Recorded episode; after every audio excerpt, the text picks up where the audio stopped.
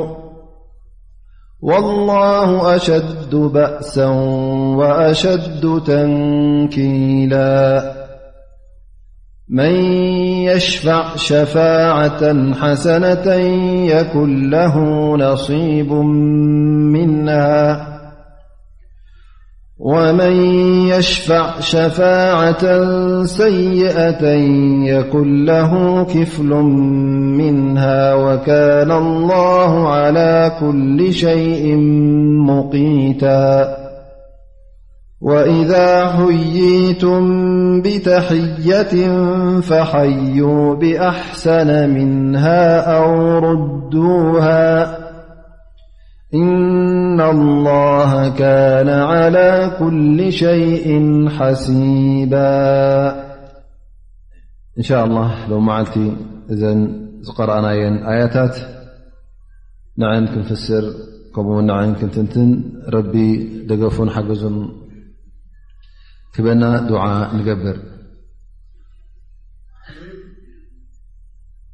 ኣብ ዝሓለፈ ደርስና ማለት ኣብ ዝሓለፈ ሰሙን እታ መጨረሻ ዝተንተናያ ኣያ ብዛዕባ እቶም ኣብ መካ እንከለዉ ገና እቲ ዝወርዶም ዝነበረን ፀቕትን ዓመፅን ስለ ዝበርትዖም እንታይ ኮይኑ ኢና ክሳዕ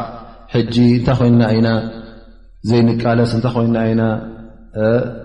ዘይንምልሰሎም ነቶም ሙሽርኪን ሱቕ ኢልና ንህረም ሱቕ ኢልና ንቕጥቀጥ ሱቕ ኢልና ንዋረስ ዘለና ክብሉ ከለዉ ዳሕራይ ኣብ መዲና ምስ ከዱ ገለ ካብኣቶም ከምዚ ዝብሉ ነበሩ ኣላ ስብሓን ወተዓላ እውን ነቲ ጅሃድ ምስ ፈረደ ነቲ ጅሃድ ዋጅብ ምስ ገበሮ ስለምንታይ ሕጂ ጅሃድ ተፈሪዱ ስለምንታይ ናብ ኩናት ንኣቶ ሕጂ ኢሎም ክዛረቡ ገለ ካብኣቶም ምስ ጀመሩ ቅሩብ ተትፀንሕ መሓሸ ነይሩ እዚ ቃልሲ እዚ ከቢድ ምዃኑ ምስ ፈለጡ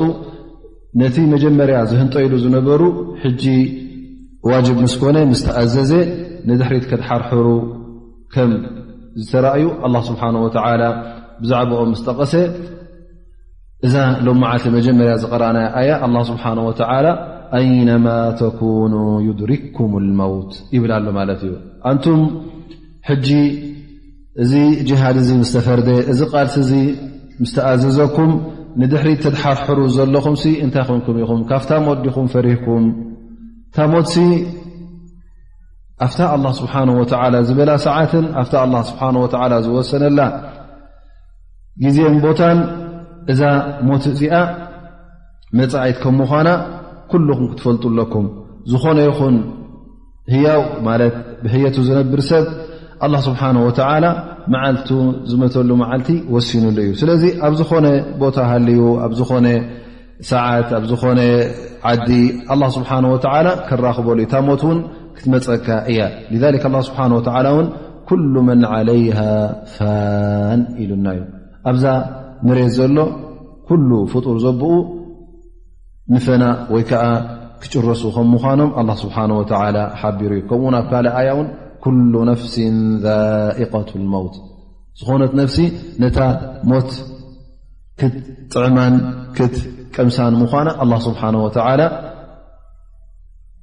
በዚ ኣያ እዚኣ ውን የብርሃልና ማለት እዩ ካብዛ ሞት እዚኣ ትወፅእ ነፍሲ የላን ዝኾነት ነፍሲ እታ ሞት ከተርከበ እያ ዕድመ ይናሕ ይሕፅር ሰብ ሱሳ 22030 ኣብ ዝኾነ ይኹን ይብፃሕ ግዴታ ግን መጨረሽታ እዛ ነፍሲ እዚኣ ክትመውት ከም ምዃና ኣላ ስብሓን ወተላ ሓቢሩ እዩ ንነቢና ሙሓመድ ለ ላ ለ ወሰለም እውን ወማ ጀዓልና ልበሸር ምን ቐብሊካ ልኹልድ ፈፂምና ንሕና ነቶም ቅድሜኻ ዝነበሩ ደቂ ሰብ መዋእልኩም ክትነብሩ ኢኹም ዝብል ኣብዛ ኣዱንያ ኣይ ኣሕለፍናን እሞ ሕጂ እውን እስኻ ወዲ ሰብ ስለ ዝኾንካ ያ ረሱላ ላ ያ ሙሓመድ እስኻ እውን ነቶም ዝሓለፉ ቦታትካ ክተርክቦም ኢኻ ክትመውት ኢኻ ኢልዎ እዩ ሊክ እዚ እንታይ እዩ ዘርእየና ወላ ነቢ ይኹን ወላ እውን ረሱል ይኹን መላእካ ውን መዓልቶም ኣለዎም ወዲ ሰብ ብዝያዳ ሕጅቲ ዘገድሰናት ደቂ ሰብ ናይ ወዲ ሰብ ጉዳይ እዩ ዝኾነ ይኹን ወዲ ሰብ ኣላ ስብሓን ወተላ መዓልቲ ከም ዝወሰነሉ እዩ ዘብርሃልና ማለት እዩ ካብዛ መዓልቲ እዚኣ ብክእለትካ ይኹን ብሓይልኻ ይኹን ብጉልበትካ ይኹን ከተንውሓ ከም ዘይትኽእል ኣላ ስብሓን ወተላ እዚ ነገር እዚ ፍፁም ገይርዎ ከም ምኳኑ ክንፈልጥ ይግብኣና ገለ ዕለማ ድማ ይብሉ ነዛ ኣያ እዚኣ ሰበብ ኮይኑ ክትወርድ ኣላ ስብሓን ወተላ ዘውረዳ ነቶም ሙናፍቒን እንታይ ኢሎም ኣነቢ ስለ ላ ለ ሰለም ኣብ ኩናት እሑድ ምስ ተኻፈሉ ገለ ካብቶም ኣስላም ውን ምስ ዝተሽሃዱ ምስ ሞቱ እንታይ ክብሉ ተረኪቦም እቶም ሙናፍቒን ማለት እዩ እቶም ኢማኖም ብግዳሞም ኣሚና ዝብሉ ዝነበሩ ወይ ከዓ ውሽጦም ድማ ናይ ክሕደት ሓቢኦም ዝኸዱ ዝነበሩ እንታይ ኢሎም እዞም ሰባት እዚኦም ለው ካኑ ዕንደና ማ ማቱ ወማ ቁትሉ እቶም ንኩናት ዝወፁ ኣስሓብ ነቢ ለ ላ ሰለ ብፆት ነቢና ሓመድ ስ ሰለም እዞም ሰባት እዚኦም ምሳና ኣብ መዲና ነሮም ተዝኾኑ ከምታ ዝበልናዮም ንና ኣብ መዲና ኮይና ንዋጋ ኢልናዮም ዝነበርና ንዓና ዘረባና ሰሚዖም ነሮም እተዝኾኑስ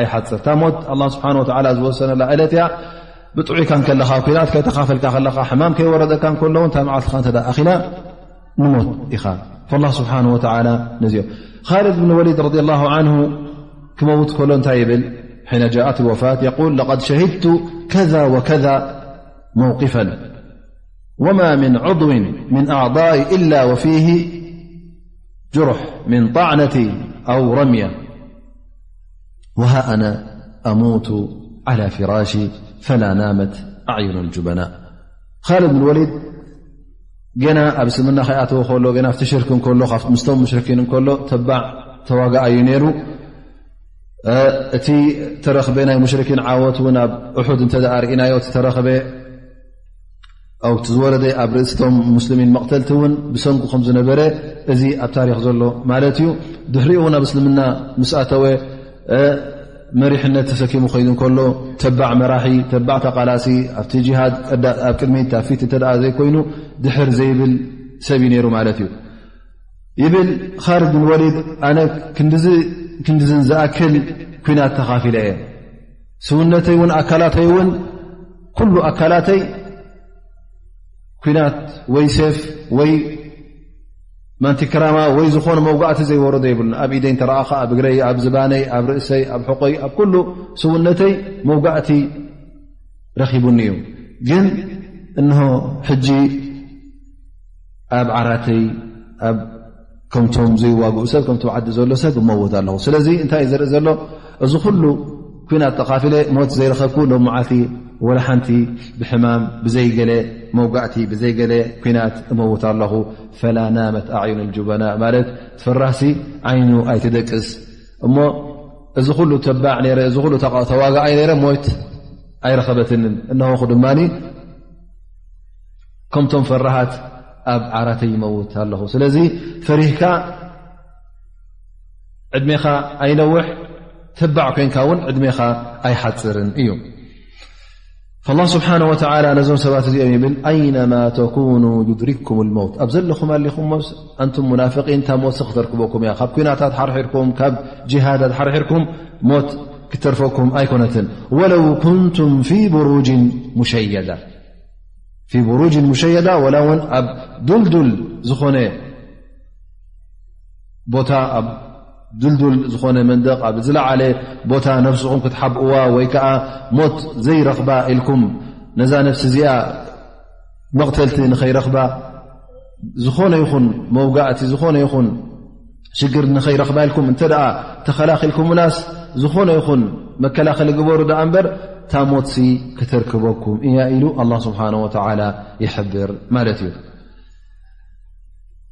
እዚ ሕጂ እንታይ ዝርአ ዘሎ እታ ጉዳይ ናይ ሞት ሓቂ ከም ምኳና ካብዚ ሓቂ እዚኣ ድማ ፈፂምና ክንሃድም ከም ዘይንኽእል ንኩላህና እውን ክትበፅሓና ከም ምኳና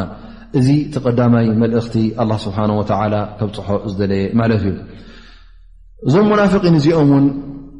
እቲ ናቶም ተራ እከይ ከም ዝነበረ ሕማቕ ከም ዝነበረ ንነቢና ሙሓመድ ለ ላ ለ ወሰለም ኩሉ ግዜ ክካፍኡን ንዕኡ ከናእሱን እቲ ዝርከብ ዘሎ ሽግር እውን ብሰንኩ ከም ዝወርዶም ዘሎ እውን ነቶም ሙእምኒን ብዝያዳ ድሕሪት ንኽመልሱ ይቃለሱ ከም ዝነበሩ በዛ ትመፅእ ዘላ ጥቕሲ ውን በዛ ትመፅእ ዘላ ኣያ ይበርሃልና ማለት እዩ እንታይ የብሉ ነይሮም እዞም ሰባት እዚኦም የቁል ስብሓን ወተላ ወእን ትስብሁም ሓሰነቱ የቁሉ ሃ ምን ዕንድ ላህ እንተ ደኣ ርዝቂ ሽሻይ እንተ ደኣ ረኺቦም ኣላ ስብሓን ወተዓላ ውላድ እተ ረዚቕዎም ንብረቶም እንተ በዚሑ ጥሪቶም እንተ ተዋሊደን እተ ተባዚሐን እንታይ ይብሉ እዚስ ብፈድላ ስብሓን ወተዓላ ረቢ ሂቡና ኢሎም ናብ ኣላ ስብሓን ወተዓላ የፀግዑ ማለት እዩ እዚ ሕጂ ፍርሃት ናይ ረቢ ኣለዎም ማለት ኣይኮነ ወይ ከዓ ማን ብርቱዕ ኢማን ኣለዎም ማለት ኣይኮነን ግን ካልእ መልእኽቲ እዩ ከብፅሑ ደልዮም ነይሮም ምኽንያቱ እንታይ ገብሩ ነይሮም ትሽሻይ ክመፅእ እንከሎ ብፈድላ ይተረኪቡ ብልኻ ገለ ሽግር ከጓንፍ እንከሎ ምናልባሽ ተዓዲ ናይ ኤኮኖሚ ሽግር እተ ኣርኪቦም እተ ገለ ካብኣቶም ኣብ ኩናት ሰብ ተቀትልዎም እተ ድርቂ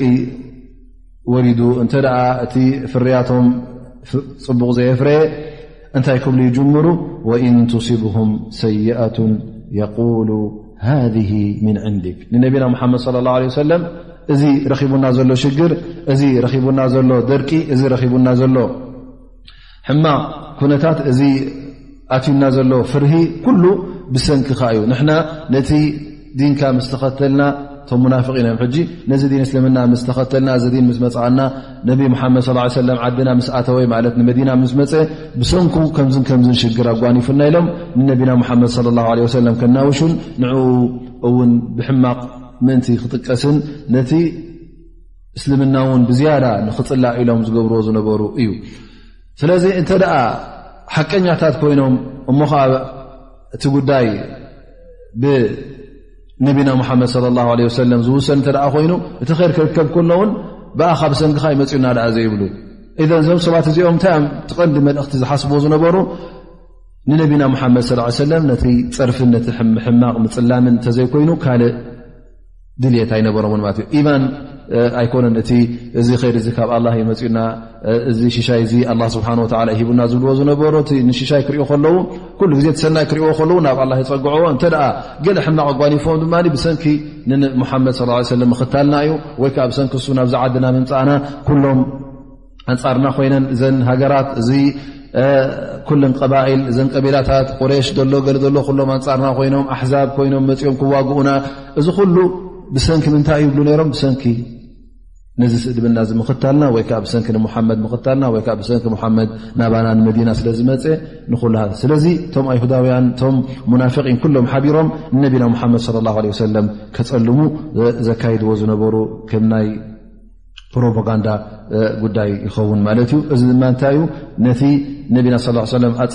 ኣፀሊሞም እቲ ሰብ ነቲ እስልምና ንክፀልእን ነቲ እስልምና ንክገድፍን ማለት እዩ እዚ ሕጂ ዓበየን ዝኸፈአን ኣብ ውሽጢ እቲ ማዓስከርናይ እስልምና ወይከዓ ኣብቲ ህብረተሰብ እስልምና ኣብ ውሽጡ እስላም ተመሲሎም መገዲ ሓቂ ሒዞም ዘለዉ ተመሲሎም ነቲ ኣብ ውሽጢ እስልምና ዘሎ ኣብ ውሽጡ ክፈናጥሑን ክበላሽውን ዝፍትኑ ዝነበሩ እዮም ذሊክ እዚ ጉዳይ እዚ እውን ሓድሽ ጉዳይ ኣይኮነን ሓድሽ ነገር ኣይኮነን ቅድሚ ሕጂ እውን ተራእዩ እዩ ኣላ ስብሓን ወላ ብዛዕባ ሰይድና ሙሳ እውን ክጠቅስ እንከሎ እንታይ ይብል ፈኢዛ ጃእትሁም ሓሰነቱ ቃሉ ለና ሃذ ኣብ ግዜ ሰይድና ሙሳ እንታይ ኣብሉ ነይሮም ወኢ ፈኢዛ ጃእትም ሓሰነቱ ቃሉ ለና ሃذ ር እንተ ክረኹቡ ኮይኖም እዚ ኣላ ስብሓን ወላ ንዓና ዝሃበና ሽሻ እዩ ንዓና ፈትዩና እዩ ይብሉ ማለት እዩ ወእን ትስብም ሰይኣቱን የጠየሩ ብሙሳ ወመን ማዓ እንተ ደኣ ገለ ሕማቕ ረኪቦም ድማ እዚ ሕማቕ ፋል ኮይኑና እዚ ሙሳ ካብ ዝመፅእ መዓስ ፅቡቕ ረኪብና እቶም ንዑ ዝኽተሉ ዘለዉ ሰብ እከይ እናበሉ ብኦም ሕጂ ነቲ እከይ ናብኦም የፀግዕዎ ማለት እዩ ስለዚ እዚ ከምዚ ጉዳይ እውን ዝሰሚዑ ሓደ ግዜ እንተ እቲ ር ክርከብ እንከሎ ናብ ኣላ ስብሓን ወላ ፀግዕዎ እንተ ገለ ሕማቕ ተረኪቡ ድማ እዚ ብሰንኪቶም ከምዚ ኢሎም ዳዕዋ ዝገብሩ ከምዚ ኢሎም ዝንቀሳቀሱ ኢልካ ዝዝረብ ሓንሳ ሓንሳ እውን ትሰምዕ ትኸውን ስለዚ ኣላ ስብሓን ወላ ነዞም ሰባት እዚኦም ክገልፆም ከሎ ወምና ናስ መን ያዕቡድ ላሃ ዓላ ሓርፍ እዞም ሰባት እዚኦም ኩሉ ግዜ ኣበዮም ዘለዉ ማለት እዩ ኣብ ወሰን ኣብ ጠረፍ ንእሽተይ ነገር ክተጓንፎም ከላ እቲ ንእሽተይ ሽግር ክተጓንፍ ከላ ኣብ ጠረፍ ስለ ዝፀንሑ ቀልጢፎም ይፀድፉ ማለት እዩ እቲ ኢማኖምን እቲ እስልምናኦምን ሓቀኛ ከም ዘይኮነ በዚ ትሪኦ ማለት እዩ ኣላ ስብሓን ወተዓላ ንእሽተይ ፈተነ ከውርዱ ከሎ ንእሽተይ ፅበት ንእሽተይ ሽግር ኣብታ ሃገር ኣብታ መዲና ነቢ ስ ሰለ ዝነበርዋ ክወርድ እንከሎ እቶም ሙናፍቒን ሽዑ ሕጂ ይኽሽሑ ማለት እዩ እዚ ከም ዝኣመሰለ ዘረባታት ክወፅእ እንከሎ እቲ እስልምና ብሓቂ ብልቦም ከም ዘይኣመኑሉ ይበርሃልካ ማለት እዩ እዘን ኣላ ስብሓን ወላ ነዚኦም ማ ከመይ ኢሉ ነቢና ሓመድ ስ ሰለም ክምልሰሎም ከም ዘለዎ የብርሃሉ ማለት እዩ የል ስብሓ ወላ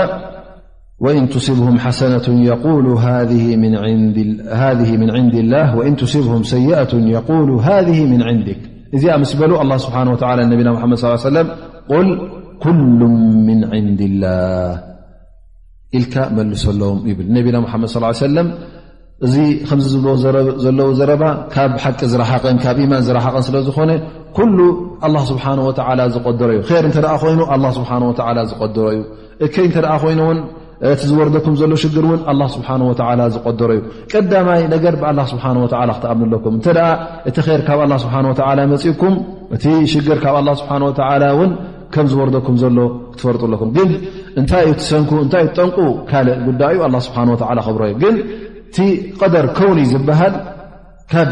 ድልት ኣላ ስብሓን ወላ ካብቲ ናቱ መሽኣ ዝወፅእ ከም ዘየለ የብርሃሎም ማለት እዩ ቁል ያ ሙሓመድ ኩሉ ምን ዕንድ ላህ ካብ ኣላ ስብሓን ወላ ዝወርድ ዘሉ ከም ምኳኑ ኣብርሃሎም ማ የኽትም ላ ስብሓን ወላ ሃ ኣያ ብቀውል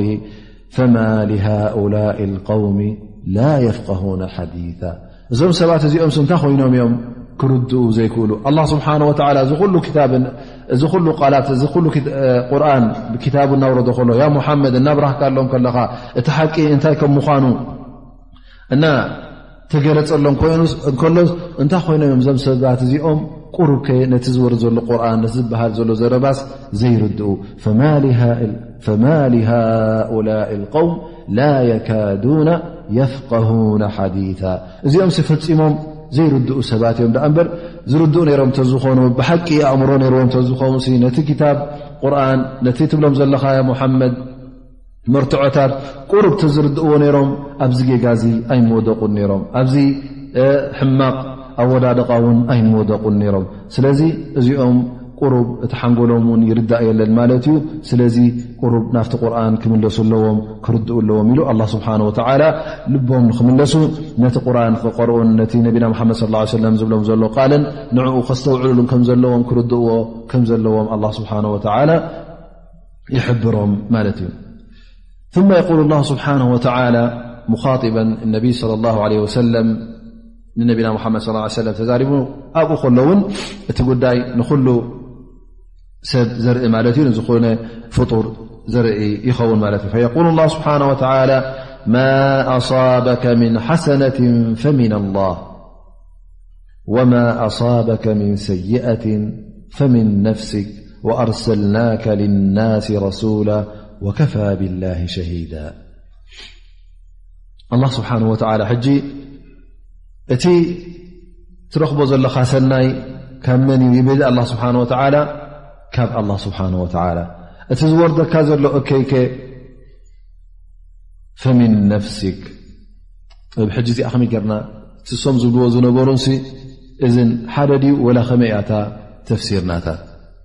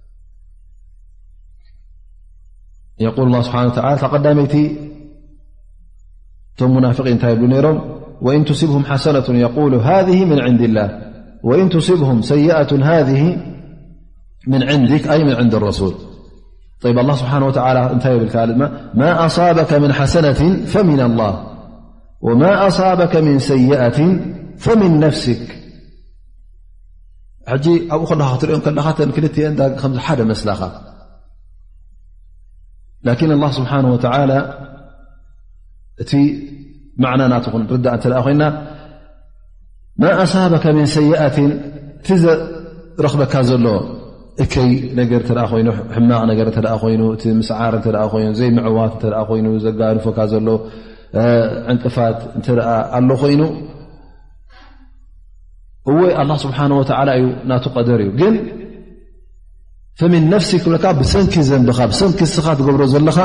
ዘንቢ እዩ ስለዚ ኣላ ስብሓን ወተላ እንተ ኣብ ሓደ ዓውዲ ኺናት ኣቲኻ እንተ ዘይተዓወትካ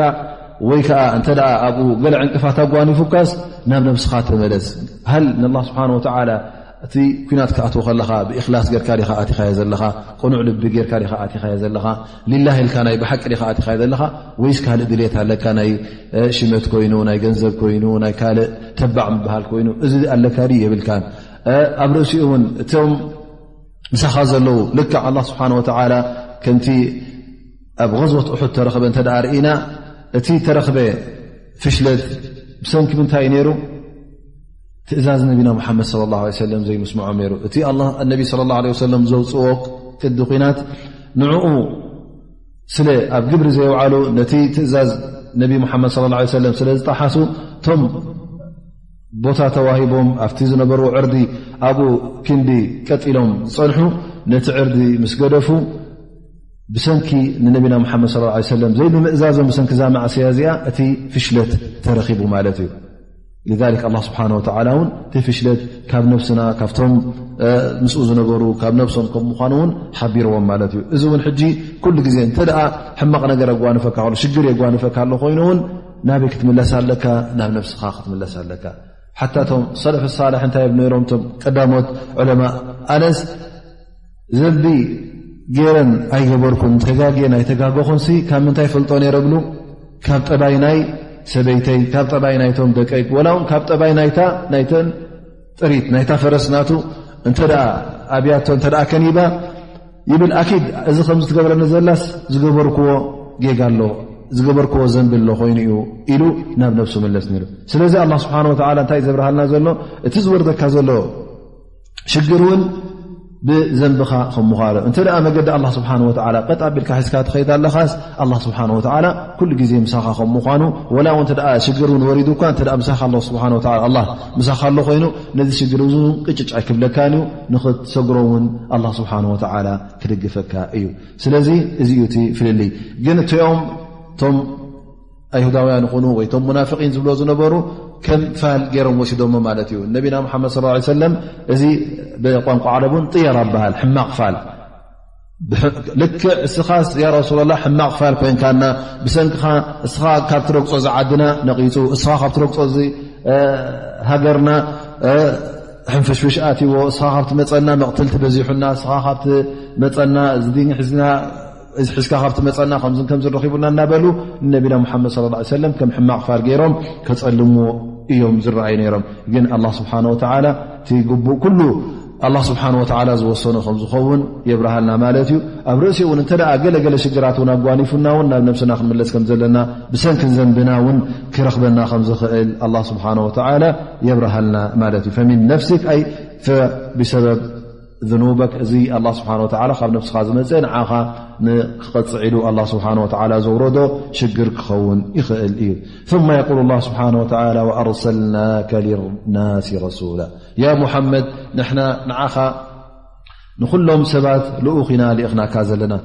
እታ ናካ ግደ እንታይ ኣያ እታ ዝሃብናካ መልእኽቲ ክተብፅሕ ከምታ ንሕና ዝሃብናካ ተሰኪምካ እታ ሓቂ ክትብፅሓ ክትብርሃ ኢና ንዓኻ ልኢኽናካ ስለዚ እቲ ዝቆፃፀርን እቲ ጀና ዘእቱን ዘየእቱን መን እዩ ኣላ ስብሓን ወላ ዘንብታትካ ፅብፅቦ መን እዩ ነቢ ሙሓመድ ለ ሰለም ኣይኮነን ፅብፅበልካ ዘንብኻ ኣላ ስብሓን ወላ ግደ ነቢ ሙሓመድ صለ ላه ለ ሰለም ግን ነታ ሒዞማ ዝመፁ መልእኽቲ ካብ ኣላ ስብሓን ወተዓላ ንዓኣ ተሰኪሞም ናብቲ ህብረተሰብ ናብ ዝኾነ ሰብ ን ንክብፅሑ እዩ ነይሩ ሊክ ላ ስብሓን ወተላ ነዛ ኣያ እዚኣ ብምንታይ ድም ድማ ወከፋ ብላህ ሸሂዳ ኣላ ስብሓን ወተላ እዩ ነዚ ኩሉ ዝምስክረሉ ነቲ በዓል ሓቂ ሓቂ ገብር ነይሩ ነቲ በዓል እከይ እከይ ይገብር ነይሩ በዓል ዘንቢ ዘንቢ ይገብር ነይሩ በዓል ኣጅሪ ንኣጅሪ ይገብር ነይሩ ኣብ ልቡ እንታይ ነይሩ ንይኡ እንታይ ነይሩ እቲ ዝገብሮ ዘሎ ፈትዩ ዩ ዝገብሮ ዘሎ ተገዲዱ ዩ ዝገብሮ ዘሎ ኣላ ስብሓን ወተዓላ ነዚ ኩሉ ይርኦን ይፈልጦን እዩ ዝሕብኦ ነገር የለን ፈልክ እዚ ጉዳይ እዚ ኣላ ስብሓን ወተዓላ እዩ ዝከታተሎ እስኻ ኣይኮንካ ትከታተሎ ያ ሙሓመድ እስኻ እታ ግዴኻ ንዓኣ ግበር እታ መልእኽትኻ ኣብፅሕ ግን እቲ ናይ ፀብፃብ እቲ ናይ ሒሳብ ኣላ ስብሓን ወላ ዩ ዝተሓሰቦ ንሰብ ኣላ ስብሓን ወላ እዩ እውን ንጀና ይኹን ንጀሃንም ይኹን ኣላ ስብሓን ወላ እዩ ዝውስን ማለት እዩ ስለዚ እቶም ዝቕበልዎ ዝነበሩ ነቲ ዳዕዋ ነቢና ሙሓመድ ስ ሰለም ፈትዮም ተቐበልዎ ኣላ ስብሓን ወላ ይፈልጦም እዩ እቶም ሙናፍቒን ብኣፎም ኣሚና እወ ዝብሉ ዝነበሩ ግን ኣብ ልቦም ክሕደት ሒዞም ዝነበሩ ክሕደት ሓቢኦም ዝኸዱ ዝነበሩ ኣላ ስብሓን ወተዓላ እንታይ ከም ዝሓብኡ እውን ይፈልጦ እዩ ካብኡ ካብ ኣላ ስብሓን ወተዓላ ፈፂምካ ዝሕባእ የለን ሊኣና ኣላ ስብሓን ወተዓላ ሸሂድ ክበሃል እንከሎ ሓደ ሰብ መስካሪ ክኸውን እንተ ደኣ ኮይኑ ሪኡን ሰሚዑን እዩ ዝምስክር ደኣ እምበር ዘይወዓሎ ዘይሰምዖ ክምስክር ኣይክእልን እዩ ኣነ ርአ ኣነ ሰሚዐ ክብል ኣይክእልን እዩ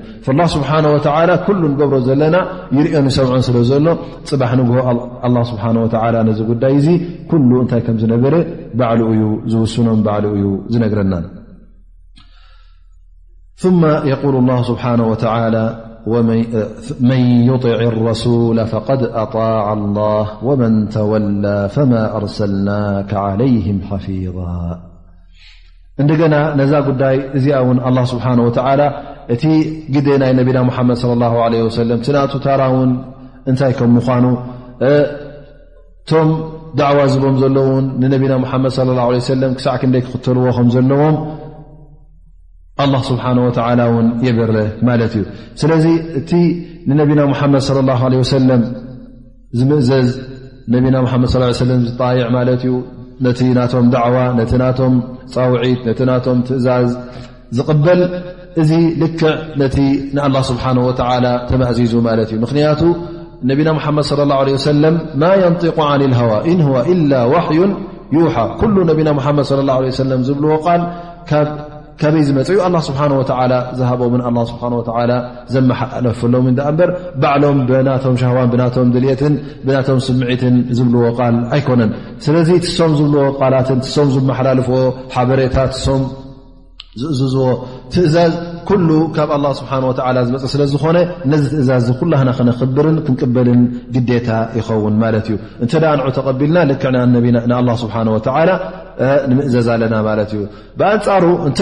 ነቢና ሙሓመድ ለ ላ ለ ወሰለም ዘይተማእዘዝና ትእዛዞም እተ ጥሒስና ትእዛዞም እተ ሰጊርና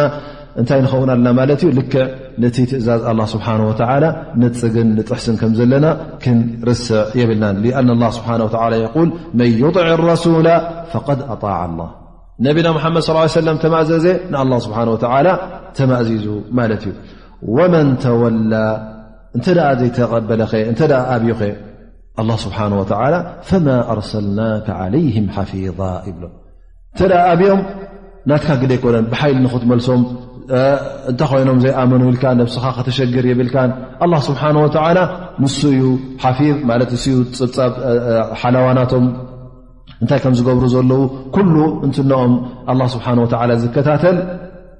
ኣላ ስብሓን ወተላ እዩ ስለዚ እቲ ዝኣበየ እስኻ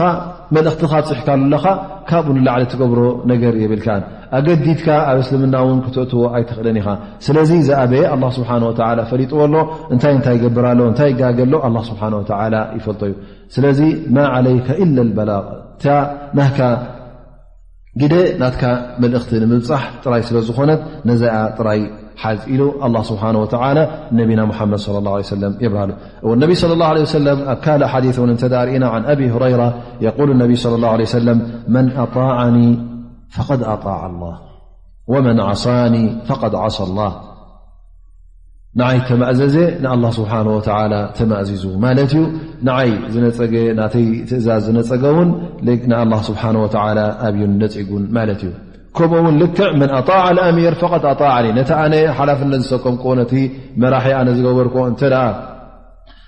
ትእዛዙ ሰሚዑ ኣነ ንዓይ ልክዕ ትእዛዘይ ከም ዝሰምዐ እዩ ነቲ ኣነ ዝገበርክ ወመን ዓሳ ኣሚር ፈቐድ ዓሳኒ ነቲ ኣነ ኣሚር ዝገበርክዎ ሓላፊ ዝገበርክዎ እውን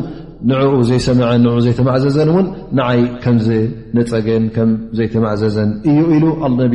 ኢሎም ነቢና ሙሓመድ ለ ላ ለ ወሰለም እውን ባዕሎም ተዛሪቦም እዮም ስለዚ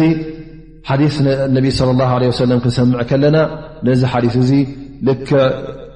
ከም ቁርን ሓደ ካብቲ መሳድር ወይ ከዓ ካብቲ ነቲ እስልምና ቀንዲታቱ ከም ምኳኑ ክንርስዕ የብልናን እቲ እንሓፍሶ ናይ ሸርዒ ሓበሬታታት ይኹን ትእዛዛት ይኹን ቀዳማይ ነገር ካብ ቁርን ንወስዶ ብድሕሪኡ ድማ ካበይና ንወስዶ ካብ ሱና ነቢና ሙሓመድ ለ ላ ሰለም ካብ ቃል ነቢና እዚ ሱና እዚ ወይ ነቲ ቁርን ዝወረደ ንዕኡ ዘረጋግፅ ክኸውን ይኽእል እዩ ልክዕ ኣብቲ ቁርን ትረኽቦ ቲ ሱና ትረኽቦ ማለት እዩ ወይ እውን ንዕኡ ዝትንትን ይኸውን ማለት ኣላ ስብሓን ወተላ ንኣብነት ኣብ ቁርን እንተዳርእና ኣቂሙ ሰላት ኢሉና ሰላት ዙህር ትኹን ዓስሪ ይኹን መቕሪብ ይኹን በብሓደ ኣይተትንተነን ክንደይ ረክዓ እውን ከም ንሰግድ ኣይሓበረናን መን እዩ ሓቢሩና ነዚ ጉዳይ እዚ ነቢ صለ ላ ለ ወሰለም እዮም ሓቢሮምና ስለዚ እቲ ሓዲ እውን ወይ ከዓ ሱና ነቢና ሓመድ ቃል ናተም ውን እንታይ ክኸውን ይኽእል እዩ ነዚ ኣብ ቁርን ዝወረደ ዝትንትን ክኸውን ይኽእል እዩ ኣብ ርእሲኡ እውን ሓድሽ ትእዛዝ ን ኣብ ቁርን ዘይትረኽቦ ትእዛዝ ኣብ ቁርን ዘየሎ ትእዛዝ እውን ኣብቲ ሱና ነቢና ሓመድ ለ ላ ለ ወሰለም ክትረኽቦ ትኽእል ኢኻ ስለዚ ሱና ነቢ ሙሓመድ ስ ሰለ ትቃል ናቶም ውን ልክዕ ከም ቁርን ክብርን ናቱ ግደን ከም ዘለዎ ነቲ ቀንድታት ናይ እስልምና ኣብኡ ክምርኮስ ከም ዘለዎ በዚ ይበርሃልና ማለት እዩ ኣን ስብሓ ወላ መን ይጢዕ ረሱላ ፍድ ኣጣዓላ እቲ ጣዓ ናይ ነቢና ሓመድ ሰለም ምስቲ ጣዓን እቲ ላ ስብሓ ወላ ምእዘዛ ናይ ነቢና ሓመድ ስ ሰለም ምስ ምእዘዛ ናይ ኣ ስብሓ ወላ ስለ ዝኣሳሰረና እንታይ እዩ ዘርእየና ማለት እዩ እቲ ነቢና ሓመድ ለ ላ ሰለም ዝብ ዝነበሩ ቃላትን ዝገብርዎ ነበሩ ተግባራትን እዚ እውን ንዓና ዘርእየና ከም ምኳኑ ግዴታ ብኡ እውን ክንክተል ከም ዘለና ልክዕ ከምቲ ካብ ነቲ ቁርን ንምእዘዝ ነቲ ሱና ነቢና ሓመድ ለ ላ ሰለም እውን ክንምእዘዞ ከም ዘለና ይበርሃልና ማለት እዩ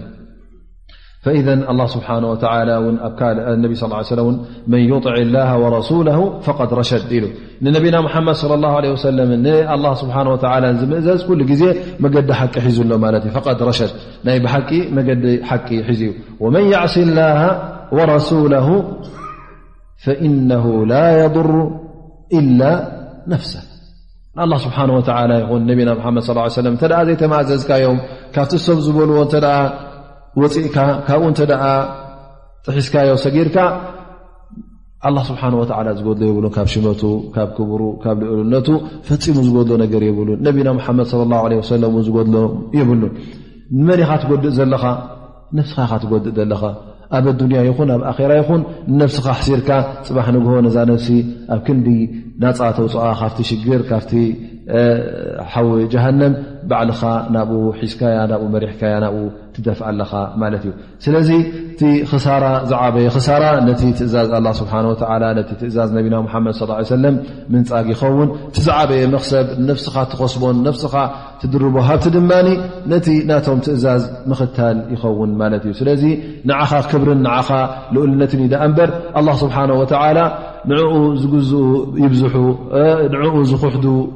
ይብዝሑ እዝን እዝን ካብቲ ሽመቱን ካብቲ ክብረቱን ዘጉድሎ ኣይኮነን ላ ስብሓን ወተላ ሙሉእ ዘይጉዱል እዩ ኩላህና ንእመን ንኽሓድ ንኣላ ስብሓን ወተላ ንውስኾን ንንክየሉን ነገር የብልናን ድሕሪ እዚ እውን ኣላ ስብሓን ወተላ እቶም ሙናፍቒን ክሳዕ ክንደይ ነቢና ሙሓመድ ለ ላ ለ ሰለም ከታለሉን ነቲ ህብረተሰብ እስልምና ዘለውን ሕንፍሽፍሽ ከእትውሉ ይፍትኑ ከም ዝነበሩ እውን ኣላ ስብሓን ወተላ ገለገለ ካብቲ ባህርያቶም እውን እንደገና ቅድሚ ሕጂ ጠቒሱና ዮ ዝሓለፈ ኣያታት ሕጂ እውን እነሃ ኣብዚ ኣያ እዚኣ እውን ይሕብረና ማለት እዩ ኣላ ስብሓ ወተላ ፈየቁሉ ላ ስብሓን ወተላ ወየቁሉና ጣዓ ማለት እዞም ሙናፍቒን እዚኦም እንተ ደኣ ንዓኻ ኣጓኒፎምኻ ማለት እተ ኣብ ቅድሜኻ ኣለዉ ኮይኖም እተ ንዓኻ ረኺቦምኻ ያ ረሱላ ላ ኩሉ ግዜ እንታይ እዮም ዝብሉ ነይሮም ንሕናስ ንዓኻ ተምእዙዛት ኢና ጣዓ ኣብ ኩሉ እንትናናስ ንዓኻ ንምእዘዝ ኢና ኣህሊ ጣዓ ኢና ምእዙዛት ኢና ኢሎም ኩሉ ግዜ እቲ ናይ ኢማን ይኹን ናይ እስልምና ይኹን ንዓኻ የብርሁልካ ንና ከምዚ ኢና እዳበሉ ኩሉ ግዜ እቲ ናይ ጣዓ ጉዳይ እቲ ናይ ምእዘዛ የርእዩኻ ግን ኣላ ስብሓን ወተላ ፈኢዛ በረዙ ምን ዕንድክ እንተ ደኣ ካባኻ ርሒቖም ካብቲ ምሳኻ ዘለዎ ቦታ ምሳኻ ብ መስጊድ ነሮም ንኣብነት ካብ መስጊድ እተ ወፅኦም ካባኻ እተ ርሒቖም ንስኻ ዘይ የለኻሉ ቦታ ካባኻ እተ ርሒቖም ግን ካልእ እዮም ዝገብሩ ነይሮም ፈየቁል ላ ስብሓን ወተላ ፈኢዛ በረዙ ምን ዕንድክ በየተ ጣኢፈት ምንሁም غይረ ለذ ተቁል እዞም ሰባት እዚኦም እንተ ደኣ ካባኻ ርሒቖም ካልእ ኣብ ልቦም ሓሲቦም ኣብ ልቦም ነይቶም ኢኻ እትረኽቦም በየታ ክበሃል እንከሎ ኩሉ ግዜ እንታይ ማለት እዩ ልክዕ ከምዚ ውዲት ምእላም ይኸውን ማለት እዩ ከምዚ ኣምሩ ዱቢራ ብለይል ዝብለዎ ብቋንቋ ዓረብ ኣው ጃኣ በየተ ሸይአ ፊ ነፍሲ ክትብል ከለኻ ማለት ሓሲቡን ሓሳሲቡን ኣብ ልቡ ዓቒሩ ዝመፀ ማለት እዩ ላ ስብሓን ወተላ እዞም ሰባት እዚኦም ኣብ ቅድሜኻ ከምዚ ኢሎም ክዛረቡ ከለዉ ከምዚ ኢሎም እቲ ብግዳሞም ከሪኡኻ ከለዉ ግን ካባኻ ምስ ረሓቑ ካልእ እዮም ዝብሉ ነይሮም እዚ እስልምና እዚ እተዘይበታተናዮ እንተዘይበልናዮ እናበሉ ሕጂ ካልእ እዮም ዝኣልሙ ነይሮም ስለዚ እቲ ዝሓብዎ ዝነበሩ ካልእ እዩ እቲ ዝብልዎ ዝነበሩ ድማ ካልእ እዩ ግን ኣላ ስብሓን ወተላ እንታይ ይብል ወላሁ የክቱቡ ማ ዩበይቱን ኣላ ስብሓን ወተላ ዝሕብኦ ነገር ስለ ዘይብሉ እስኻ እወ ዕልመልቀብ ትሕቡእ ነገር ስቱር ነገር ኣይትፈልጦን ኢኻ ረሱላ ላ ንሕና እተዘይ ኣፍለጥናካ ማለት ኣ ስብሓ ወ እንተ ነቢና ሓመድ ስ ሰለ እተ ዘይነገርዎ ነቢ ለ ላ ለ ወሰለም ልክዕ ሰብ ስለ ዝኾኑ እቲ ዕልሚ ብ ይብሎምን ግን ኣ ስብሓ ወ ገለገለ ነገራት እቲ ብ ዝቁፅር ማለት ና ዘይንፈልጦ ወዲሰብ ዘይፈልጦ ስብሓ ወ ገለ ካብ ይገልፀሎምን ይኸሽፈሎምን ነይሩ ግን እንታይ ዘርእየና ዚ ነቢ ስ ሰለም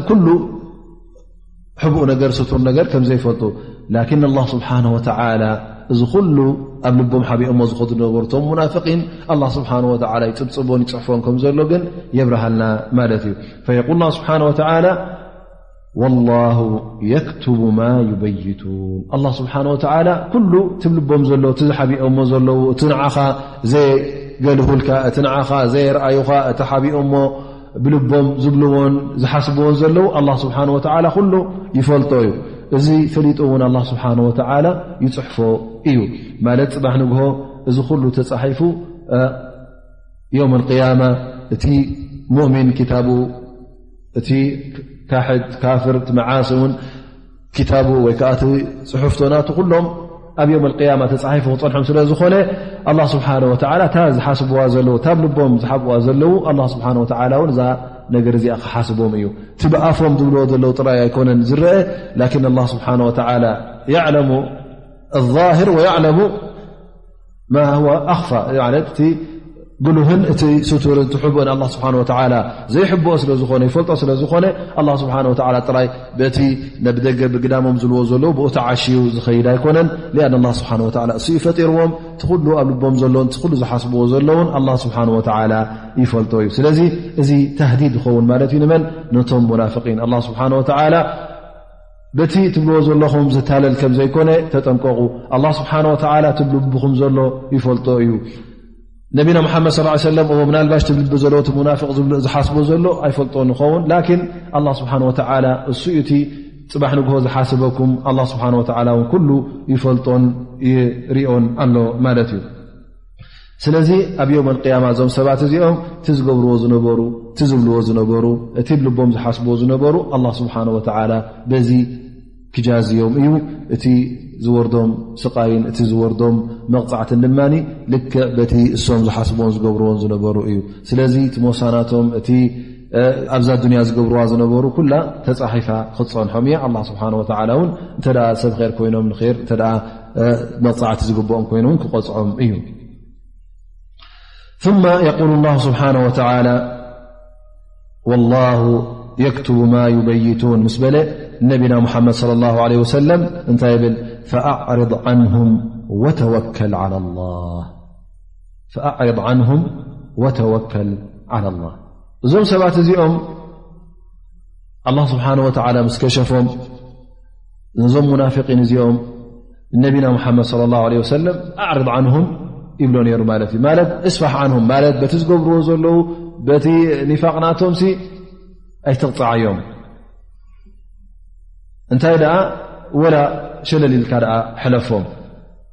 ላትኣክዝም ወላ ውን እቲ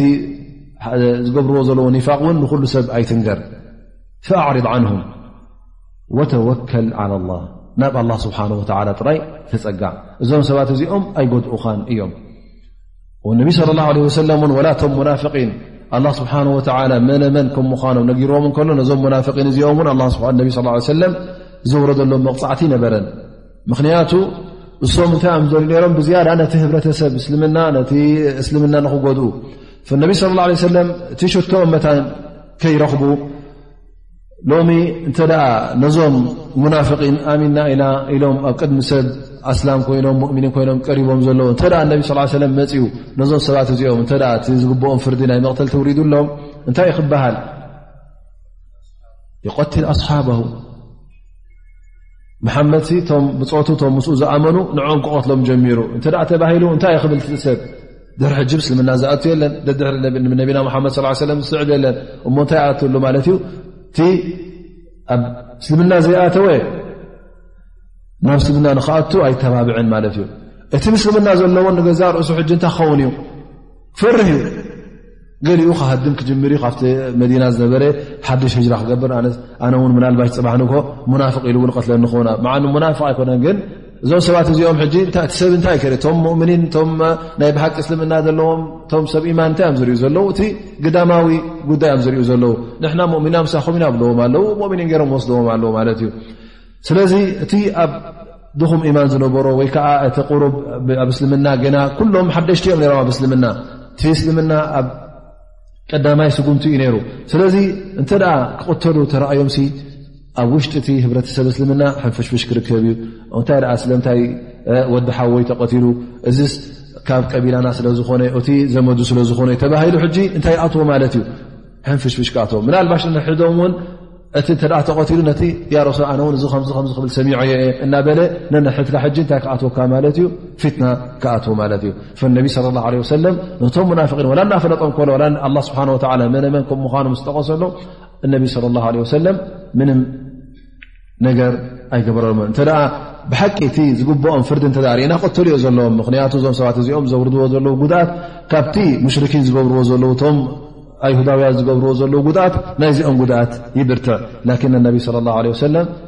ጥበቦም ገይሮም ማለት ብሕክማ ነዚ ጉዳይ እዚ ነቢ ስለ ላ ለ ወሰለም በቲ ኣላ ስብሓን ወላ ዝሃቦም እውን መምርሒ ፈኣዕርض ዓንሁም ስለ ዝበሎ ኣላ ስብሓን ወላ ነዞም ሰባት እዚኦም እውን ሸለል ይብሎም ነይሩ ወላ እተተጋገዩ እውን ይምሕሮም ነይሩ እምበረይ ትሶም ዝብልዎ ዝነበሩ እንተ ርእና ዓብዱላ ብን ኡበይ ምሰሉን ላየኽርጀና ኣዓዙ ምና ኣዘል ዝብል ነይሩ ማለት እዩ መዲና ምስ ተመለስናስ እቲ ክቡር እቲ ክቡር ነቲ ውርደተኛ ነቲ ሕሱር ፅባሕ ንጎ ከውፅኦ እዩ ብመቕሱድ እሱ ኣነ እቲ ክቡርን እቲ በዓል ሽመትን እቲ በዓል ዓድን በዓል ሃገርን ኢሉ ይኣምን ነይሩ ማለት እዩ ኣነስ ንሙሓመድ ከውፅኦ ክሳዕ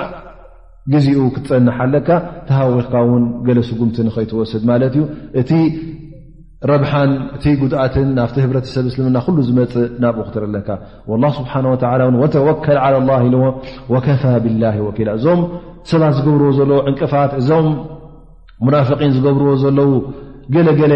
ሽግራት ናብኡ ግልፅ ክትብል የብልካ ናብ ኣላ ስብሓን ወላ ውን ጥራይ ተፀጋዕ ኣላ ስብሓን ወተላ ባዕሉ ክሕግዘካ እዩ ባዕሉ ክድግፈካ እዩ ባዕሉ እውን ናፍቲ ዓወት ከብፅሓካ እዩ ምኽንያቱ ናብ ኣላ ስብሓን ወላ ጥራይ እተ ፀጊዕካ እዞም ሰባት እዚኦም ምንም ክእለት የብሎምን እቲ ዝገብርዎ ዘለዉ ፈተነታት ኩሉ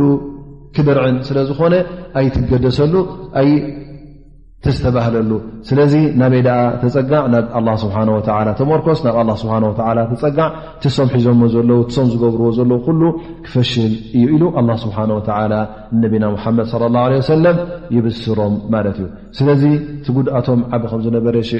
እቲ ዝገብርዎ ዝነበሩ ዝኣልምዎ ዝነበሩ ውዲት እውን ቀሊል ከም ዘይነበረ ግን እንተ ናብ ኣላ ስብሓን ወተላ ተመርኪስካ እውን ንኣላ ስብሓን ወተላ ሒዝካ ዝኾነ ይኹን ውዲት ዝኾነ ይኹን ተኣልመ ሞኣምራ እውን ከምዘይጥቃዓካ ኣላ ስብሓን ወተላ በዛ መጨረሻ ዝኣያ እዚኣ ይሕብረና ማለት እዩ ብድሕሪ እዚ ኣላ ስብሓን ወተላ እውን ነቶም ሙናፍቒን ይኹኑ ነቶም ሙእምኒን ንኹሎም እውን ናበይ ይሕብሮም ኣሎ ማለት እዩ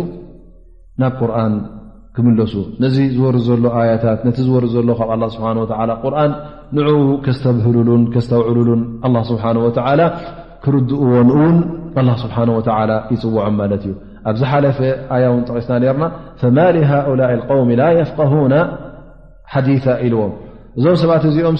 እቲ ዓብ ሽግር ዘለዎም ነቲ ዝውር ዘሎ ቁርን ዘይምርድኦም ንኡ ስለ ዘይምስትውዓሎም እበር ነዚ ቁርን እዚ ነዚ ውሓይ ላ ስብሓ ወ ካብ ሰማይ ዝወርድ ቁርን ቀሪኦምን እንታይ ከም ዝብል ዘሎ ኣስተውዒሎም ዝርድእዎ ነሮም ተዝኾኑ ኣብዚ ከምዝኣመሰለ ጌጋ ኣይመወደቑ ነሮም ነቲ ኢማን እውን ቀጥ ኣቢሎም መሓዝዎ ነሮም ስለዚ ኣላ ስብሓን ወተላ ኣፈላ የተደበሩና ቁርን ይብል እዚ ሕጂ ነቲ ቁርን እቲ ነቲ ቁርን ክነስተውዕለሉ ክንርድኦ ከም ዘለና እዩ ዝሕብር ዘሎ ማለት እዩ ን ላ ስብሓ ወ ኣብ ካልእ ኣያ እውን እተርእና የል ኣፈላ የተደበሩን ቁርን ኣም ዓላ ቁሉብ ኣቕፋሉሃ እቶም ክሓቲ እንታይ ኮይኖም እዮም ዝኽሕዱ ዘለዉ እንታይ ኮይኖም እዮም ነዚ ቁርን እዚ ዘይርድእዎ ዘለዉ ወይስ ኣላ ስብሓን ወላ ነቲ ልቦም ዓፅዎን ሓቲምዎን እዩ እንታይ ኮይኖም እዮም ኢሉ ኣላ ስብሓን ወተላ ነቲ ቁርን ክርድኡን ነቲ ቁርን ንከስተውዕሉን ድማ ኣላ ስብሓን ወተላ በዚ ኣያ እዚ ይደፋፍኦም ማለት እዩ ስለዚ እዛ ኣያ እዚኣ እውን እንታይ እያ ተብርህ ዘላ እዚ ቁርን እዚ ካብ ኣላ ስብሓን ወተላ ከም ምኳኑ እንተ ቀሪእካዮን እንተ ኣስተባሂልካሉን እተ ኣስተውዒልካሉን እተ ተረዲእካዮን ልክዕ ካብ ኣላ ምዃኑ ስብሓን ወተዓላ ክትርዳእ ትኽእልን ክትበፅሕን እውን ትኽእል ኣዚ መድረኽ እዚ ክትበፅሕ እተ ኮይንካ ነቲ ቁርን ከተስተውዕሎ ኣለካ ላ ስብሓ ላ ኣፈላ የተደበሩን ቁርን ወለው ካነ ምን ዕንዲ غይር ላ ለወጀዱ ፊ እክትላፈ ከራ እቲ ናብ ክሕደት ዝወስዶም ዝነበረ ወይ ከዓ እቲ ዘክሕዶም ዘንታይ እዮም ዝብሉ ነሮም እዚ ቁርን እዚ ብሓቂ ካብ ኣላ ስብሓን ወተዓላ ዝወረደ ኣይኮነን ባዕሉ ሙሓመድ ስ ሰለም ዝኣልሞ ዘሎ እዩ ባዕሉ ሙሓመድ ዝብሎ ዘሎ እዩ ኢሎም እዮም ነቲ እስልምና ዘናሽዉ ወይ ከዓ ነቲ እስልምና እውን ዝነፅጉ ዝነበሩ ስለዚ ኣላ ስብሓን ወተዓላ ናበይ መልሶም ኣሎ ናፍቲ ቁርን እንተ ደኣ ብሓቂ ከምቲ ንስኹም ትብልዎ ዘለኹም እዚ ቁርን እዚ ባዕሉ መሓመድ ዝመሃዞ እንተዝኸውን ነይሩስ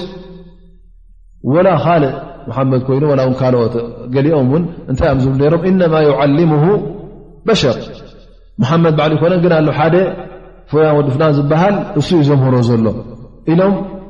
ፕሮፓጋንዳ ገብሩ ነይሮም ማለት እዩ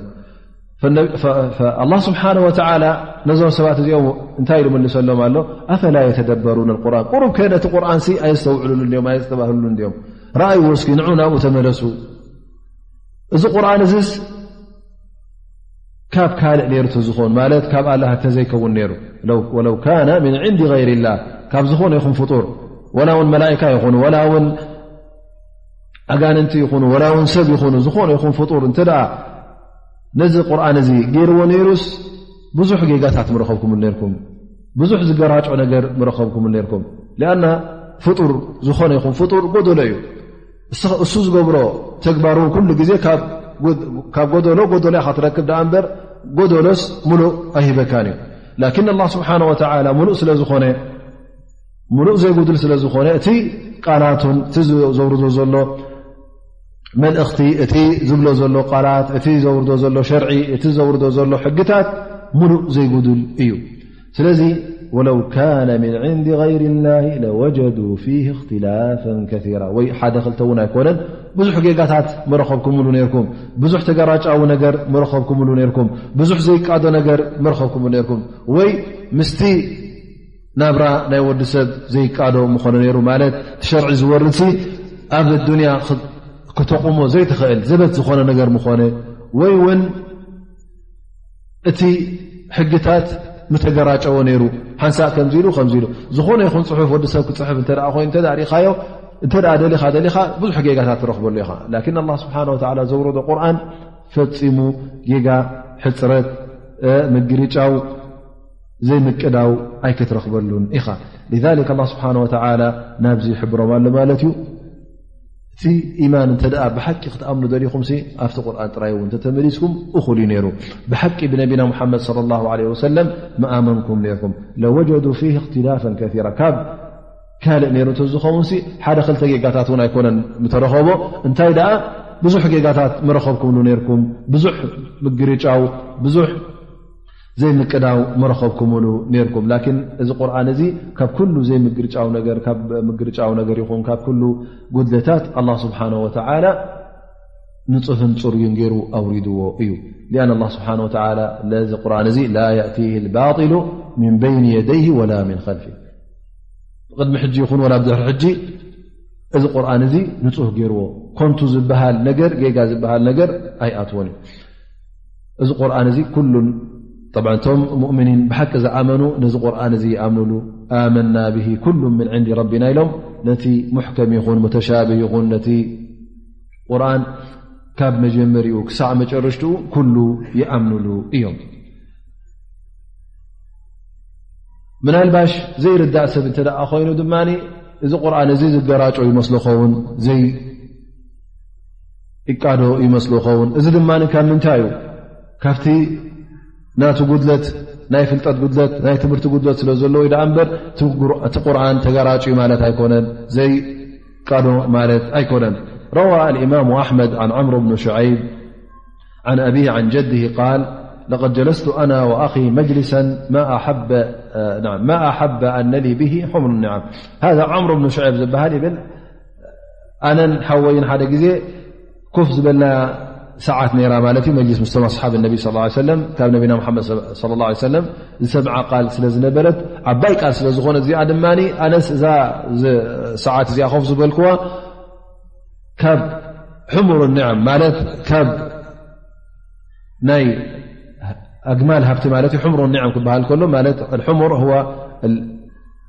ተን ዝበለፃ ኣግማል ማለት እዩ ኣብቲ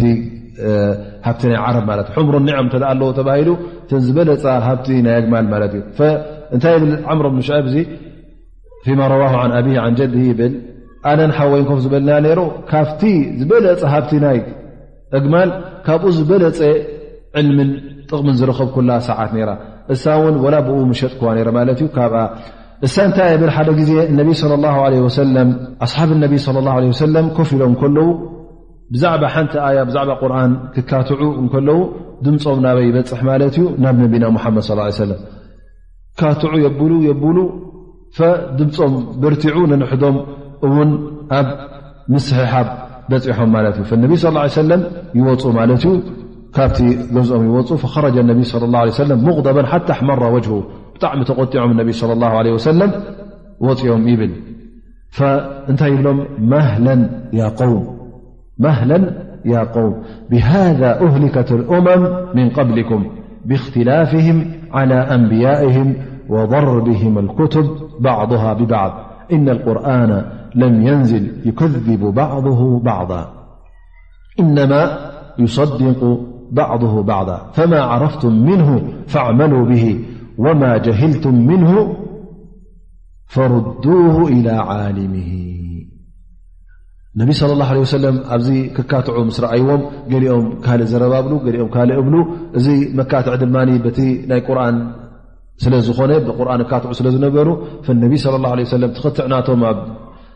ዓውዓው ስለ ዝበፅሐ ኣብዘይ ምስምማዕ ስለ ዝበፅሐ ኩሉ ነናቱ ክዛረብ ኣብ ክንዲ ናብ ነቢና ሙሓመድ ለ ላ ለ ሰለም ተመሊሶም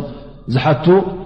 ኣብዚ ከም ዝኣመሰለ መድረኽ ስለ ዝበፅሑ እነቢ ስለ ላ ለ ሰለም ብጣዕሚ ተቆጢዖም ይወፁ ማለት እዩ እንታይ ማህለን ያቆም ዝግበሉ ዝግበሉ እቶም ቅድሜኹም ዝነበሩ እማታት እኮ በዚ ከም ዝኣመሰለ ጌጋታት እዮም ኣላ ስብሓን ወተላ ህልቀት ኣውሪድዎም ምኽንያቱ እቶም ኣንቢያኦም እንከለዉ ገና ኣብ ህይወቶም እንከለዉ ክፈላለዩ ስለ ዝጀመሩ ከምኡ ውን ነቲ ክታብ ዝወርዶም ዝነበረ ክታብ ኣብ ክንዲ ቀጥ ኣቢሎም ዝሕዝዎ ነዚ ክታብ እዚ ልክዕ ከም ዝገራጮ ገሮም እዚ ከምዚ እዚ ከምዚ እናተባህሉ ባዕሎም ክፈላሰፍሉን ዘይናቱ እናሃቡ ክዛረብሉ ምስ ጀመሩ እዚ እዩ ነቢ ስ ታይ ብል እዚ ቁርን እዚ ዝወረደስ ንንሕድሕዱ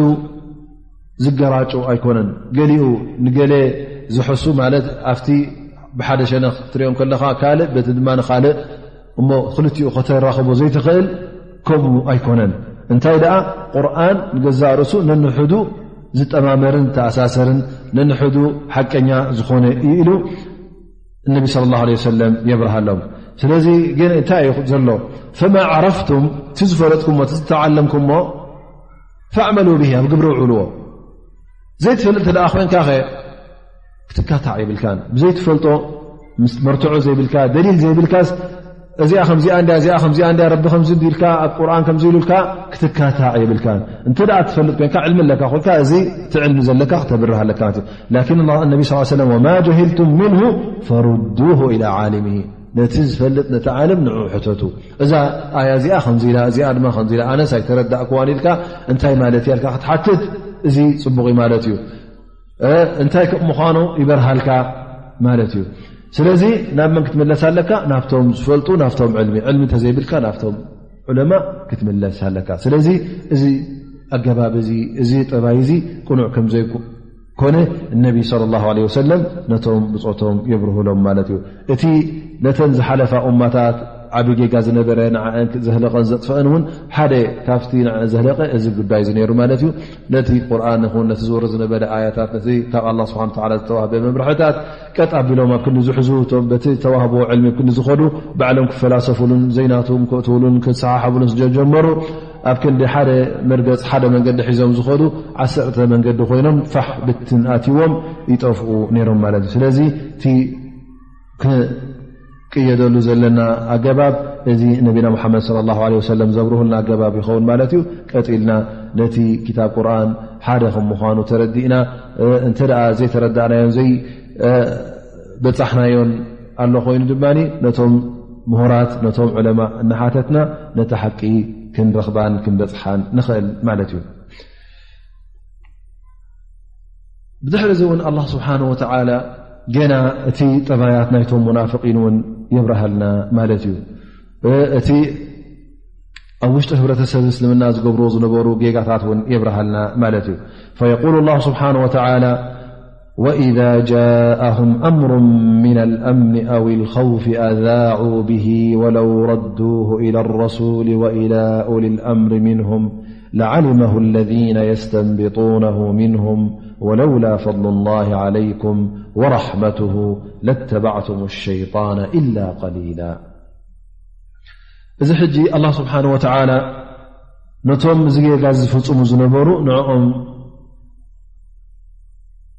ጌጋ ከም ምኳኑ ዘብርህ ይኸውን ማለት እዩ እዞም ሰባት እዚኦም እንታይ እዮም ዝገብሩ ነይሮም ማለት እዩ ገለ ነገር ክሰምዑ ከለዉ ወላ ናይ ሰናይ ነገር ይኹን ወይ ናይ እከይ ነገር ይኹን እንታይ ይገብሩ ነይሮም ማለት እዩ ነዚ ጉዳይ እዚ ኣብ ክንዲ ናብ ነቢና ሙሓመድ ለ ላ ለ ሰለም መፅኦም ወይከዓ ኣብቶም ዕለማ መፅኦም ኣብቶም መሪሕነት መፅኦም ከምዚ ከምዚ ንበሃል ኣሎ ከምዚ ከምዚ ስማዕ ኣሎ ሓቂ ድዩ እንታይ ኢሎም ኣብኡ ከ ዘቕርቡ እንታይ ዝገብሩ ነሮም እዞም ሰባት እዚኦም ባዕሎም ገና ነቲ ጉዳይ ነቲ ወረ ከይተረጋገፁሉ እንከለዉ ሓቂ ድዩ ሓቂ ከይፈለጡ እንከለዉ እንታይ ገብሩ ነይሮም ይነዝሕዎ ነይሮም ማለት እዩ ኣላ ስብሓን ወተላ እዞም ሰባት እዚኦም ወኢዛ ጃእም ኣምሩ ምና ልኣምኒ ኣው ልከውፍ ኣዛዑ ብ ክልተ ነገራት ጠቂሱ ኣላ ስብሓን ላ ኣልኣምን ኣው ልከውፍ ማለት ገለ ብናይ ፍርሂ ብናይ ሕማቕ ወረ ማለት እዩ እንተ ብኡ ተኣሳሰረ ኮይኑ ወይ እውን ብናይ ኣማን ብናይ ሰላም ተኣሳሰረ ወረ እተ ኮይኑ እዞም ሰባት እዚኦም ቀልጢፎም ነዚ ወረ እዚ ክነዝሕዎን ከባዝሕዎን ይርከቡ እዚ ከዓ ጌጋ ከም ምኳኑ ምክንያቱ እቲ ህብረተሰብ መሪሕነት ዘለዎ ህብረተሰብ ስለ ዝኾነ እቲ ማሕበረሰብ እስልምና እውን ግዴታ እቲ መሪሕነቱ ክፈልጥን ክመምይን እቲ ዝጠቕሞን ዘይጠቕሞን ስለ ዝፈልጥ ግዴታ ሓደ ገፅ ሒዙ ክኸይድ ከም ዘለዎ ብሓደ ተኣሳሲሩ ክኸይድ ከም ዘለዎ ዝሕብር ማለት እዩ ምክንያቱ እንተ ንኣብነት ናይ ኣምን ጉዳይ ንኣብነት እተ ይብል ኣሎ እቲ ሰራዊት ይኹን እቲ ህብረተሰብ ኣብ ጥንቃቄ ነይሩ ኮይኑ ከምቲ ተኣዘዞ ማለት እዩ ካብቶም መሪሕነት እሞ ሕጂ ንስኻ ወረ ናይ ሰላም ሰሚዕካ ብገለገለ መፅእካ ነዚ ወረዚ ናብቲ ኣመሓዳሪ ኮይኑ ናብቲ ሓላፊ ኮይኑ ናብቲ መሪሕነት ኣብ ክንዲ ተብፅሕ ባዕልኻ እንተ ኣብቲ ውሽጢ ህብረተሰብ ክትነዝሖ ጀሚርካ እንታይ ይርከብ ማለት እዩ እቲ ተጠንቂቑ ዝነበረ እቲ ተዳልዩ ዝነበረ እንታይ ክኸውን ይጅምር ክፋኾስ ይጅምር ማለት እዩ እቲ እቶም መሪሕነት ገይሮሞ ዝነበሩ ናይ ምድላው ናይ ምጥንቃቕ ንዕኡ እንታይ ትገብረለኻ ማለት እዩ ሕጂ ንዑ ተፍርስ ኣለኻ ማለት እዩ ወይ እውን ብኣንፃሩ እንተ እቲ ሰብ ኣብ ኣማን ነብር ነይሩ ኮይኑ እቲ ህብረተሰብ ምንም ሽግር ዘይብሉ ኮይኑ እሞሶኻ ሕጂ ዘፍርህ ወረ ሒዝካ መፅእካ ነቲ ህብረተሰብ ኣብዘይ ሓሰቦን ኣብዘይ ተፀበዮን ከምዝ ከም ተረኪብልካ ፍርህን ራዕድን ክተእትወሉ ከለኻ ድማ እንታይ ትኸውን ኣለኻ ማለት እዩ እዚ ድማ ጉድኣት ተወርድ ኣለኻ ማለት እዩ ስለዚ እንተ ዝኾነ ይኹን ጠቓሚ ኣሎ ኮይኑ ወይ ከዓ ጎዳእ ኣሎ ኮይኑ ወረስ ቀዳማይ መድረኽ ንመን ክወሃብ ኣለዎ እታ መሪሕነት መቲ መሪሕነት ከትፍልጦ ኣለካ ማለት እዩ ምኽንያቱ እንተ ዝኾነ ይኹን ስጉምቲ ክውሰድ ኮይኑ ብሓደ ክውሰድ ስጉምቲ እምበር እቲ መሪሕነት ብሓደ ሸነ ኮይኑ በይኑ እቲ ህብረተሰብ ንበይኑ ክኸውን ካልእ ወረ ክንዝሖ ከሎ ሕጂ እንታይ እዩ ክርከብ ማለት እዩ ኣብ መንጎቲ መሪሕነትን ኣብ መንጎቲ መሰረት ዘሎ እቲ ህዝቢ ክልትኡ ሓደ መርገፅ ኣይክዕዝን ማለት እዩ ናብ ሓደ ገፅ እውን ንክውጃህ ኣይክእልን ማለት እዩ ስለዚ እንተ ዝኾነ ይኹን ነገር ኣሎ ኮይኑስ ብሓደ ሸነክ ክኸይድ ከም ዘሎ እቲ ሕብረተሰብ ከም ሓደ ተኣሳሲሩ ሕንፍሽፍሽ እዚ ከምዝኣመሰለ ዘረባታት ናይ እሻዓ ኮይኑ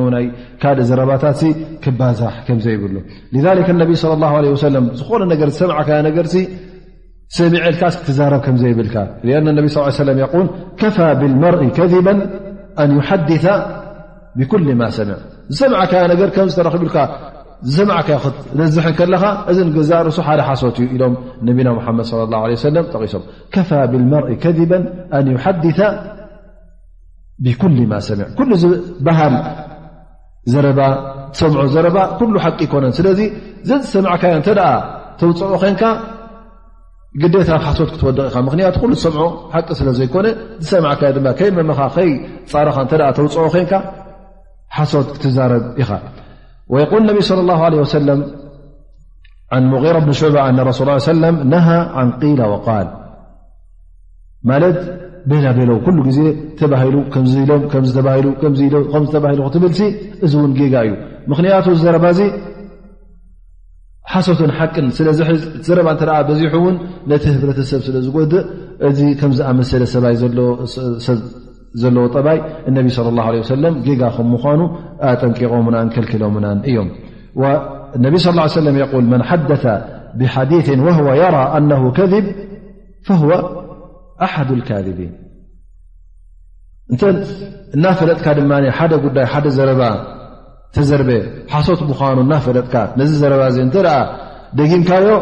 ካብቶም ሓሰውቲ ሓደ ኮንካ ማለት እዩ እንታይ ሕጂ እዚ ብዝያዳ እናፈለጥካ ሓሶት ወላ እውን ሓሶት ከም ምኳኑ ከም ዝተባሂሉ ግን ሓሶት ዩ ወላውን እናበልካ እተ ትዛረባ ኣለኻንካ ነታ ሓሶት እንታይ ትገብር ኣለኻ ማለት እዩ ብዝያዳ ተላኻዓን ተባዝሓን ኣለኻ ማለት እዩ ስለዚ እተ ሰሚዕካ ሓሶት ምኳና ፈጥካ ስቕ ክትብል ኣለካ ኣ እበር ከተውፅኣ የብልካ ገዛ ርእሶም ግዜ ነቢና ሓመድ صለ ه ለ ሰለም ብከም ዝኣመሰለ ንኣብነት ኣብቲ ናይ ህብረተሰብ እስልምና ጥራይ ዘይኮነስ ኣብቲ ንኦም ዝነ ኣብቲ ናይ ቤቶም ናይ ስድራ ቤቶምን ጉዳይ ከምዚ ሓደ ሽግር ኣጓኒፎዎም ነይሩ ማለት እዩ ግን እንታይ ክንርኢና ናይ ሰይድና ዑመር ከመይ ከም ዝነበረ ናቶም መርገፂ ውን ንርኢ ማለት እዩ ዑምር ብን ጣብ ሓደ ግዜ እንታይ ይሰምዕ ማለት እዩ እነቢ ለ ላ ለ ሰለም ኣንስቶም ጠሊቆምን ዝበሃል ዘረባ ይመፁ ማለት እዩ እዚኣ ሕጂ እነቢ ስ ሰለም ኣንስቶም ኣይጠለቁ ገለ ይጠለቁ ግን እንታይ ኣ መፅያ ተባሂሉ ሓደ ገለ ሞዲቃቶ ትኸውን ኢላ ኢላ ሕጂ ተነዚሓ ማለት እዩ ፍትዓድ ፈናብ መን ትመፅዕላ እዛ ዘረባ እዚኣ ናብ ዑመር ብን ጣብ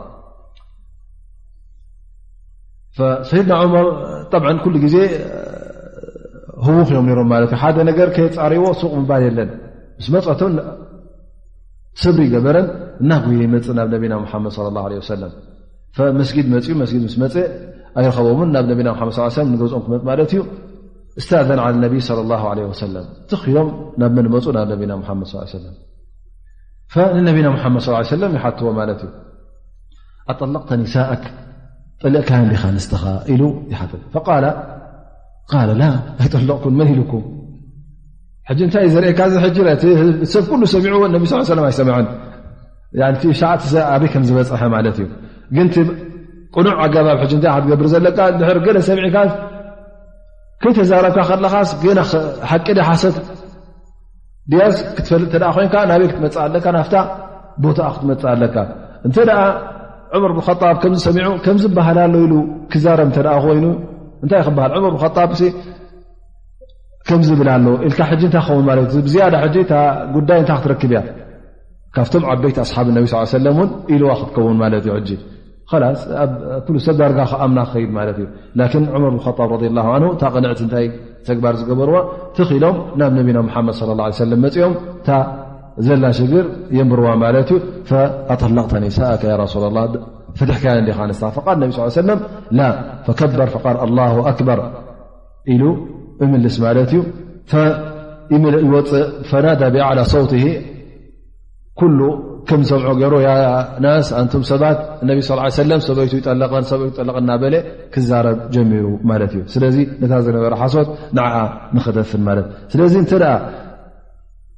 ሓደ ጉዳይ ኣሎ ኮይኑ ሓደ ነገር ኣሎ ኮይኑስ ሱቕ ኢልካ ክተባዝሑን ክትብዝሐ ክትዛረቡን እሻዓ ክትገብረሉን ኣብ ኩሉ ክትነዝሖን ጌጋ ከም ምኳኑ እተ ሓን ዘይሓን ክትፈጥ ደኻ መጀመርያ ክተፃርያ ኣለካ ክተፃርያ እተ ኮይንካ ድማ ካበኻ ተፃርያ ካብታ ቦታኣ ካብታ ቀንዲ መበቆላ ከተምፅኣ ኣለካ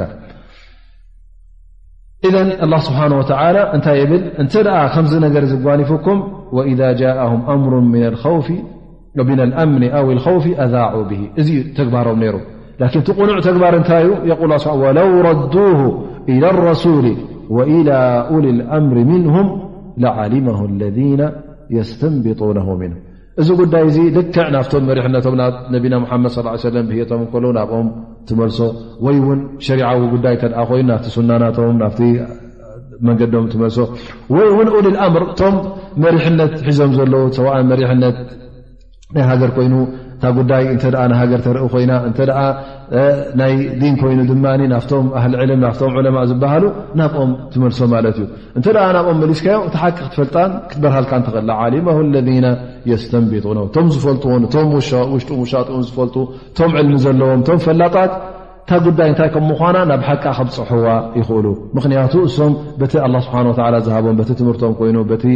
ተሰኪሞሞ ዘለዎ ሓላፍነት ናይ መሪሕነት ጉዳይ እዞም ሰባት እዚኦም ነዛ ጉዳይ እዚኣ ከፅርይዋ ምኽኣሉ ነይሮም ወይ ከዓ ከፅርይዋ ይኽእሉ እዮም ኢሉ ኣላ ስብሓን ወላ የብርህ ማለት እዩ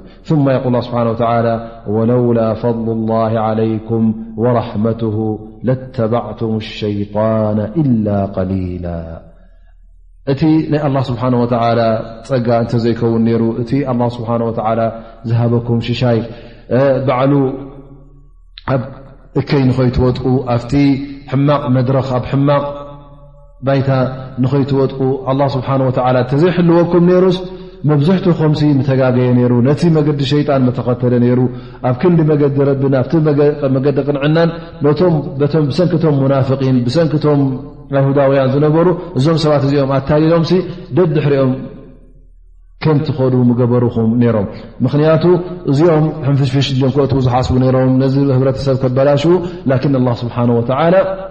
ነዚ ህብረተሰብ እዚ ነዚ እስልምና እዚ ባዕሉን ብክእለቱን እዩ እሕልዎ ነይሩ ናቱ ፀጋን ናቱ ሽሻይን ስለ ዝኾነ ንዓኹም ሓልይኩም ካብቲ መገዲ ሸይጣንን ካብቲ መገዲ እብሊስን ድማ ከምትረሕቁ ገይሩኩም መገዲ ሓቂ እውን ሒዝኩም ከም ትጓዓዙ